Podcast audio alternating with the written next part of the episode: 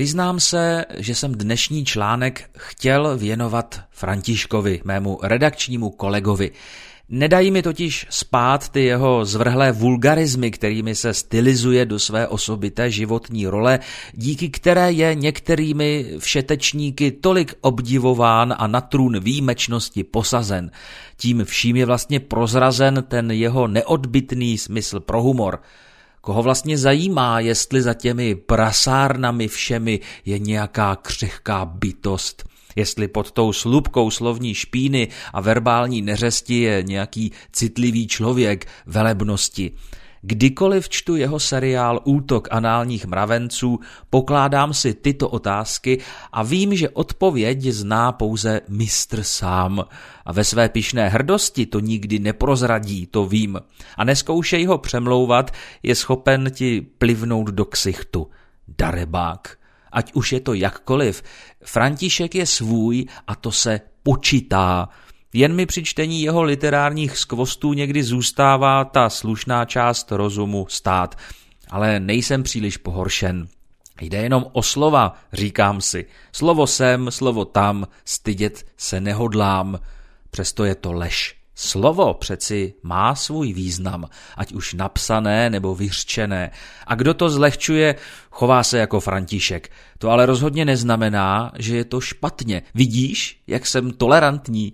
Ne, vážně, všichni jsou dneska tak nějak málo tolerantní. Možná i včetně mě. Nestydím se za to, možná jenom trochu lituji. Lituji, že občas nos ohrnuji nad těmi odbornými termíny. A není to všechno nakonec jedno. Jedno, jestli je náš názor takový či makový. Zavedl jsem si pojem sociální interakce. Je to můj momentální pojem, tak si hlavně ušetřete poznámky typu, že už jste to někde četli nebo slyšeli. Chci především říct, že jsme všichni v zajetí této sociální interakce a následného očekávání. Mluvím teď o fenoménu přirozeného vnímání ostatních kašpárků v tomhle divadle jménem život. Vnímáme se skrze naše chování a naše slova, ale co pak to není vrcholem omezenosti vůči jedinečnosti naší duše? Vůči tomu, co se slovy ani chováním projevit nikdy nedá. Vůči tomu, co je neprojevitelné, nezdělitelné a jo, neposuzovatelné.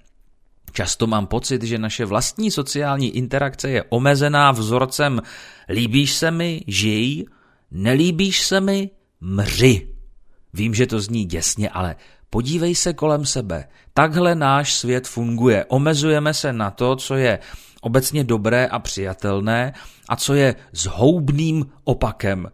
A svůj přístup drze obhajujeme nejrůznějšími pravdami a zaručenými filozofiemi o tom, jak se má správně žít – ale tahle pohádka má šťastný konec, protože za tohle všechno neneseme vinu. Vážně ne. Za všechno může Miloš Zeman. Ne, špatný vtip. Je to přeci v systému. Jsme naprogramováni do tohoto omezeného vzorce uvažování, aniž by z toho měl někdo špatné svědomí. Aniž bychom za to mohli někoho chytit pod krkem a říct, ty prevíte. Chci tímto článkem poučit především sám sebe. Chci se přehnaným uvažováním naučit respektovat všechny útoky análních mravenců a také těch pitoreskních jedinců, kteří končí v jejich hřiti.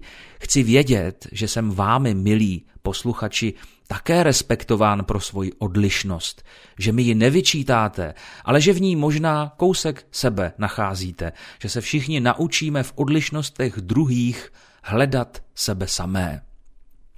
Poznámka redakce na závěr. Tento zapomenutý článek byl původně publikován ve staré verzi časopisu Prasklá moucha, a to 6. září 2013, nejen jako vzpomínka na seriál Útok análních mravenců, který právě na těchto stránkách vycházel.